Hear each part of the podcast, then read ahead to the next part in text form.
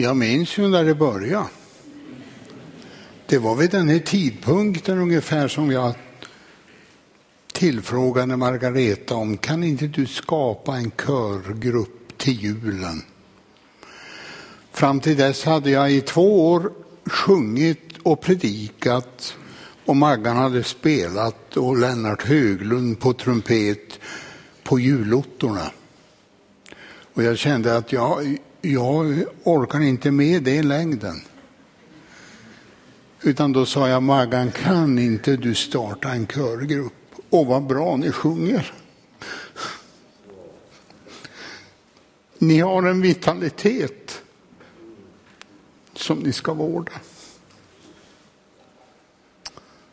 Vet att körsång, det befrämjar hälsa och gemenskap. Tänk på det unga. Det behöver lite krafter underifrån för att en kör, det är något som en församling behöver. Lycka till. 30 år har gått. Helt otroligt. Och tänk att jag fick vara med. Vilken glädje för mig. Men vad nervös jag har varit hela veckan. Jag sa till en av personalen i morse, jag har aldrig, tror jag, varit så nervös någon gång som nu. Det var i början i mitt evangelistuppdrag som jag hade mycket nerver och toalettbesök och annat sånt.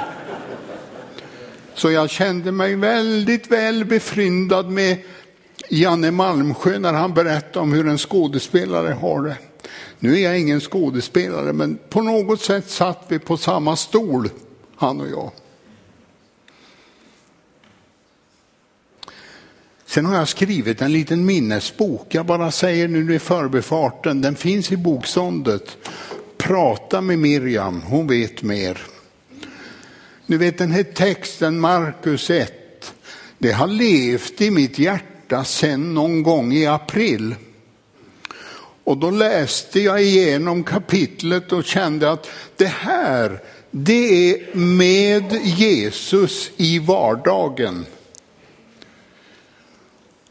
Och då tyckte jag det var väldigt lämpligt att ta det nu därför att temat för församlingen är vardagen med Jesus. Men det har vuxit och det växte fram på grund av att jag summerade kapitlet och jag läser det här sammandraget jag har gjort.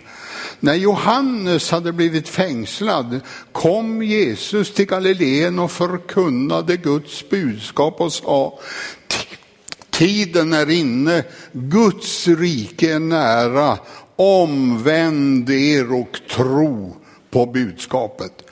När han gick Utmed Galileiska sjön fick han se Simon och hans bror Andreas stå vid sjön och kasta ut sina kastnät, för det var fiskare. Jesus sa till dem, kom och följ mig. Jag skall göra er till människofiskare och de lämnade genast sina nät och följde honom. Lite längre fram fick han se Jakob, Sebedaios son, hans bror Johannes, som höll på att göra i ordning näten i sin båt. Han kallade på dem och de lämnade sin far Sebedaios och hans folk i båten och följde efter honom. Det kom till Kafarnaum och när det blev sabbat gick han till synagogan och undervisade.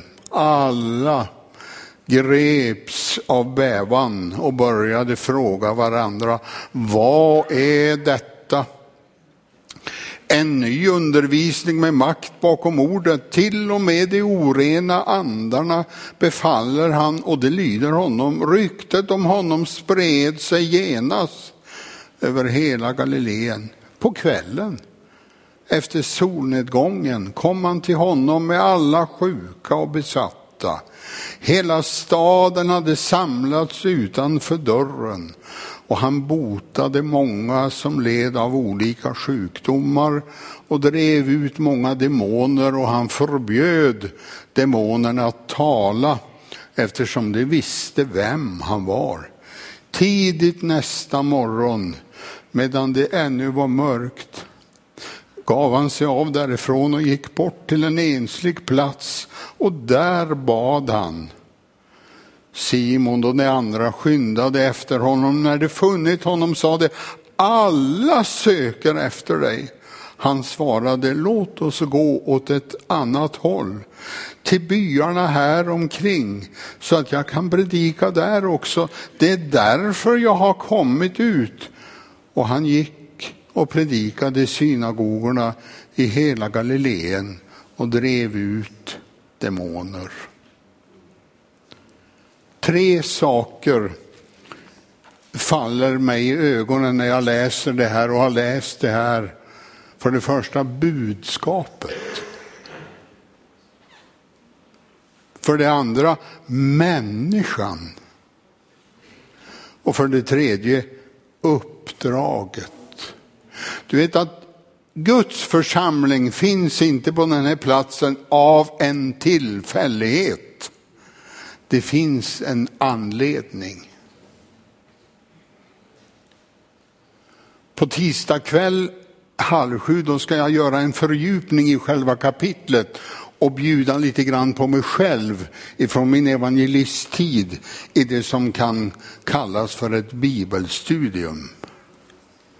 Men här har du lärdomar från Jesus om hur du strategiskt ska gå tillväga för att vinna människor. Du vet, man reser inte och hämtar impulser i, i um, Australien eller i USA eller var det nu är man ska hämta inspiration. Inspirationen har du i källan, i Jesus. Det är han som driver mig varje dag. Han har drivit mig tills nu. Annars hade jag aldrig suttit här idag. Vad kan vi lära av Jesus? Jo, det är mycket det. Lägg märke till en sak hos Jesus, att för honom var budskapet viktigt. Och det var det han strök under noggrant när han trädde fram efter Johannes döparen. Budskapet.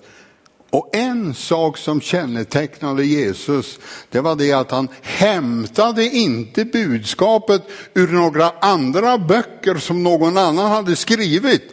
Han fick det ovanifrån. Han talade vad fadern ville. För det var därför han var sänd. Och då trodde han på budskapet. Det är väldigt viktigt att predikanterna tror på vad de säger och inte bara hummar lite utan det ska vara det här, det är Guds ord. Han trodde på budskapet. Och det betyder att han trodde på sig själv. Ett självförtroende behöver man som predikant faktiskt. Det självförtroendet fick jag i mitt barndomshem tillsammans med min pappa som skogsarbetare där jag som tonåring, 13-åring, jag började så, fick vara med de stora farbröderna när de förhandlade om ackordpriset när man högg. Och de lyssnade på tonåringen när han uttalade sig och yttrade sig. Och det gjorde att mitt förtro, självförtroende växte. Och pappa han tystade aldrig ner mig, han lät mig prata. Det var mycket klokt av honom. Jag fick delta i de stora männens överläggning som liten pojke eller tonårsgrabb. Det andra, människan människan. Du vet, när Jesus såg människorna ömkade han sig över dem eftersom de var så illa medfarna, lika får utan herde. Det var för människan han hade kommit. Det var inte för en verksamhet han hade kommit, utan han hade kommit för människorna. Och jag vet av erfarenhet som jag har hur illa medfaren människan är idag.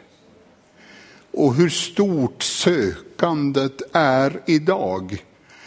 Ni ska veta, kära vänner, vi har världens chans och vi har världens bästa budskap och vi ska inte böja oss för annat. Vi tror på Jesus och tror på hans ord, för han kan och han gör saker och ting. För det var ju han som ingav mig de här orden, till exempel i, som jag nu talar omkring i, i april någon gång, med Jesus i vardagen. Och så sammanfaller det med församlingens tema den här månaden. Vardagen med Jesus. När jag såg det första gången så hissnade jag till. Jaha, det är för det här jag har fått det där. Och det är för detta jag ska vara där. Så jag vet att jag är här därför att Gud vill det. Han har inte sagt det tydligt som en människa gör det, men jag vet att det är så. Tänk när Jesus inledde sin, jag vill på säga sin verksamhet. Jag har ibland i min barnsliga fantasi tänkt att Markus 1, det kapitlet, det är egentligen en vecka med Jesus. Men det kan ju vara lite mer, jag vet inte, men det är ungefär som en, en, ett veckojobb. Har du tänkt på Jesus? Han gjorde inte som man gör idag. När det händer saker och ting, då eh, startar man en liten buffé, jag menar en liten församling med mirakel på programmet. Om någon hade kunnat göra det så var det han. Hur gjorde han? Han gick ensam iväg, ensam och bad. Han bad Fadern om hjälp mig, människan Jesus som jag är, men son som jag är till dig, att kunna hantera offentligheten, populariteten och allt detta och ägna mig åt det som är det primära i mitt liv, människan. Jag älskar Jesus. Det vill jag bara säga. Det har du kanske förstått. Men tänk när Jesus säger till Simon och de andra lärjungarna som kommer och säger alla söker efter dig. Varför går du och gömmer dig? Då säger han, låt oss gå till byarna här omkring. Det var inte till de stora församlingarna, stora orterna, stora ställena, utan till de små byarna så att alla får höra budskapet. Det är uppdraget. Det är det faktiskt som är skillnaden på att vara pastor och evangelist. Pastor då ikläder jag mig ett yrke. Det har jag aldrig gjort. Jag är predikant och jag är evangelist därför att det drivs, det drivs inifrån.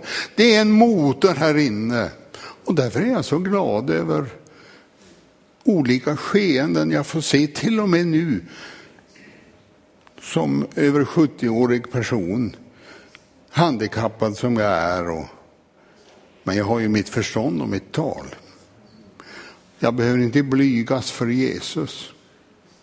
Det är väldigt öppet att tala om Jesus. Så du behöver inte vara förskräckt. Utan gör det. Och sen ska du veta en sak och nu ska jag sluta med det. Gudomliga manifestationer det får vi räkna med. Det tog Jesus för självklart. Att det skulle hända. Och att det var han som gjorde det, det erkände han aldrig.